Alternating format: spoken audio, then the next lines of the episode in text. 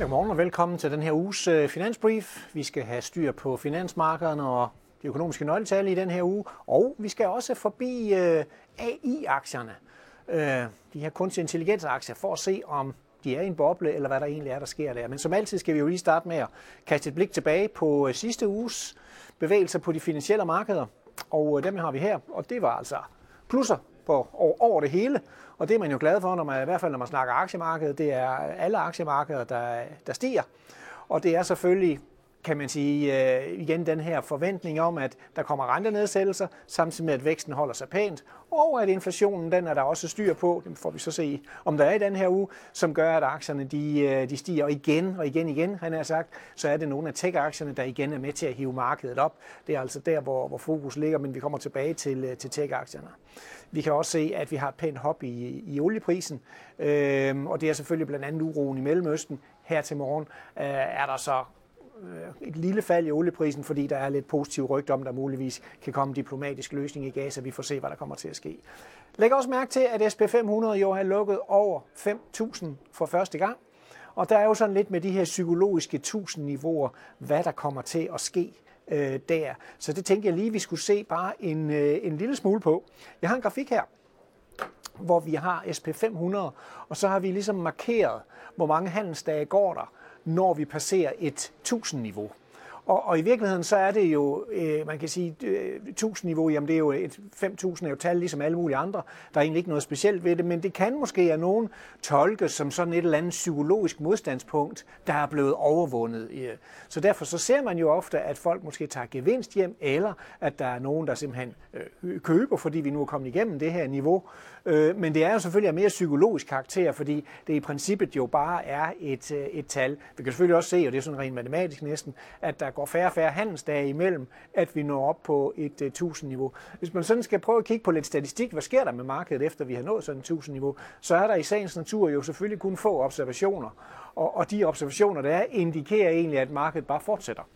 Men det skal man jo ikke lægge så meget i, fordi aktiemarkedet jo det meste af tiden jo er op. Så, så det kan man ikke begynde at konkludere, at når vi har gået igennem det 1000 niveau, jamen så fortsætter markedet med at stige. I øvrigt i 2019, da vi nåede de 3000, der fik vi faktisk et fald i aktiemarkedet. Så meget for de her 5.000 niveauer. Lad os så vende os imod de her AI-aktier, kunstig intelligens-aktier, fordi de spiller altså stadigvæk en stor rolle i markedet, også her i, øh, i 2024, øh, og, og er med til at trække markedet. Så derfor, hvis vi kigger på det globale aktieafkast, på to måder. Den sædvanlige måde, hvor vi jo bare følger indeksen, så ser det ud til at ligge i plus, og det er selvfølgelig godt nok. Den anden måde, den er vist nederst, jamen det er, hvor vi giver alle aktier den samme vægt. Det vil sige, så reducerer vi vægten for eksempel af de store tech-aktier. Og der kan vi se, der ligger vi faktisk i et minus for året. Og det indikerer jo selvfølgelig igen, det er nogle få store tech-aktier, der er med til at, at, at, at trække det her i virkeligheden. Det kan vi også se her.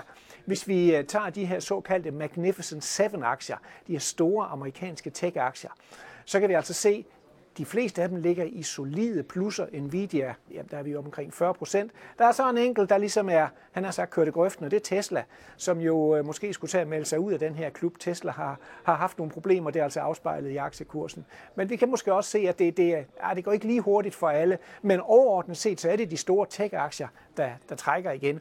Og det stiller jo naturligt spørgsmål, jamen er der simpelthen en boble i AI-aktierne? De trækker jo også i 23. Øh, ja, det første sted at spørge, det kunne være ChatGPT og sige, er der en, øh, en boble i AI-aktier?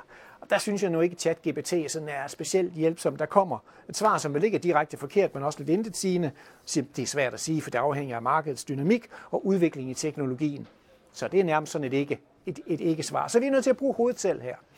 Øhm, og, og hvis vi prøver at kigge på, jamen, hvordan er IT-aktierne prisfastsat i forhold til resten af markedet her øh, i, med, med PE, så kan vi altså se, at vi er altså løftet pænt op. Men hvis vi ligesom prøver at kigge på den sidste IT-boble, vi havde i år 2000, dotcom-boblen, som det jo også skal, så kan, vi, så kan vi jo altså se, at vi er altså ikke op på de der øh, prisfastsættelsesniveauer, vi havde dengang, så det ser ikke helt så slemt ud. Men til gengæld, hvis vi så kigger på, hvor meget fylder egentlig tech-relaterede aktier, sådan markedsværdimæssigt i markedet, ja, så begynder spørgsmålet måske at være lidt anderledes. Så nærmer vi os jo de 40 procent, og vi nærmer os også nogle niveauer fra IT-boblen. Altså simpelthen, at tech-virksomhedernes markedsværdi er blevet så stor, at øh, det ligner noget, vi har, vi har set før, som jo ikke endte specielt øh, godt. Så, så det giver måske et, et lidt andet øh, svar. I virkeligheden, hvis vi så kigger på, jamen, hvor meget fylder tech-relaterede aktier, altså både tech og kommunikationsservice, øh, som andel af både indtjening, markedsværdi og salg. Jamen, så kan vi se, at markedsværdien det er den grønne. At det er som om, at øh, indtjeningsandelen følger faktisk markedsværdien. Og her tror jeg, der er måske en afgørende forskel fra IT-boblen i 2000, at rent faktisk de selskaber, der er i fokus her, de tjener mange penge. Og det var der mange selskaber, der altså ikke gjorde i 2000. Så derfor er der mere bund i de her stigninger, vi har set i de store tech-aktier. Hvad vi nu også kan se det her på det allerseneste, det er, at den grønne og den gule graf ligesom ser ud til at gå lidt fra hinanden, altså at markedsværdien er steget mere end indtjeningsandelen er steget. Og det kunne måske indikere, at, at de her aktier er løbet lidt for stærkt, i hvert fald på den korte bane, og de måske godt kunne trænge til en konsolidering. Vi har i hvert fald set, at Tesla, til dels Apple også, har set en lidt mere moderat øh, kursudvikling i virkeligheden. Øh, når vi sådan skal kigge lidt mere overordnet på det, det er jo en ny teknologi, kunstig intelligens, hvordan skal vi se på den? Vi har jo haft nye øh, teknologier før, som PC, som internet, og det der typisk sker, når vi, når vi kigger over tid, og vi kigger på produktiviteten i økonomien, jamen så vil der måske initialt, så er der kan man sige. Det ligner sådan nogle S-kurver. Initialt har vi måske ikke så meget stigning i produktiviteten, så pludselig kommer der temmelig kraftig stigning i produktiviteten, der så begynder at flade øh, øh ud igen.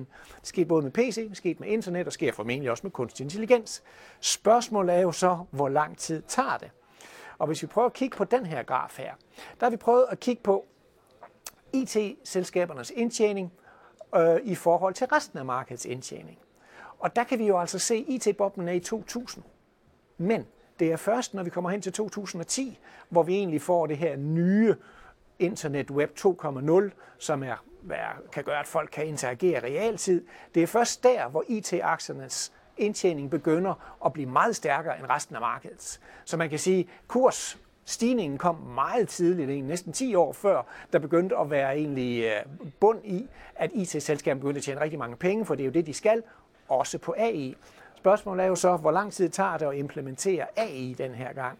Det bliver jo så det store spørgsmål. Det tager måske ikke 10 år, men det tager nok også mere end 10 måneder i hvert fald. Så vi kan i hvert fald konkludere, der er mere bund i de her aktiekursstigninger, fordi der er med mere indtjening bagved, og så vil der stadigvæk være en periode, hvor AI skal indarbejdes i økonomien, men markedet har jo altså en tendens til at løbe lidt foran og, og indprise for mange gode ting, så det kunne indikere, at markedet måske har løbet lidt for stærkt, men der er bare mere bund i det, sammenlignet med IT-boblen i 2000. Jeps, det var lidt om med i aktier. Lad os vende tilbage til ugen. Øh, kig lidt på nøgletallene. Vigtigste nøgletal kommer tirsdag. Amerikansk inflation. Forbrugerpriserne. Øh, og de er jo vigtige, fordi de guider centralbanken i USA, og, og den overordnede melding, forventning er jo, at den her disinflation, faldt inflationsraten, vil fortsætte også i de her tal. Øhm, vi regner med, at det bliver brugte biler, det er dels husleje, der skal være med til at, øh, at, øh, trække ned. Øh, man vil selvfølgelig holde lidt øje med også øh, lønstigninger, hvilken effekt har de på, øh, på forbrugerpriserne, men der havde vi sådan lidt mere moderat lønstigning i de sidste tal, men det er helt klart ugens vigtigste nøgletal, og kommer der en negativ overraskelse, så vil vi også se, at renterne stiger, og formentlig at aktierne reagerer negativt øh, på det her. Øh, Udover inflationen tirsdag, jamen så vil jeg egentlig highlighte det amerikanske detailsalg, den amerikanske forbruger, som jo ofte er med til at drive verdensøkonomien. Øhm, der er der til gengæld udsigt til måske et noget svagere detailsalg end i sidste måned. Øhm, vi har set et, et, et pænt fald i, i uh, biler. Til gengæld så har benzinpriserne steget lidt. Det er jo sådan et detaljsalg, det bliver opgjort i, i løbende priser i USA. Vi har også haft lidt dårligt vejr i januar. Det kan godt have dæmpet det fysiske øh, kan man sige, butikssalg også. Så, så alt i alt er der udsigt til, at amerikanske detailsalg vil være sværere i, øh, i januar, end det var i december. Og det betyder jo også, at hvis der pludselig skulle komme et meget svagt detailsalgssalg, så øh, kan det jo godt være, at markedet måske umiddelbart tænker, om det er fint, fordi så kommer renterne ned.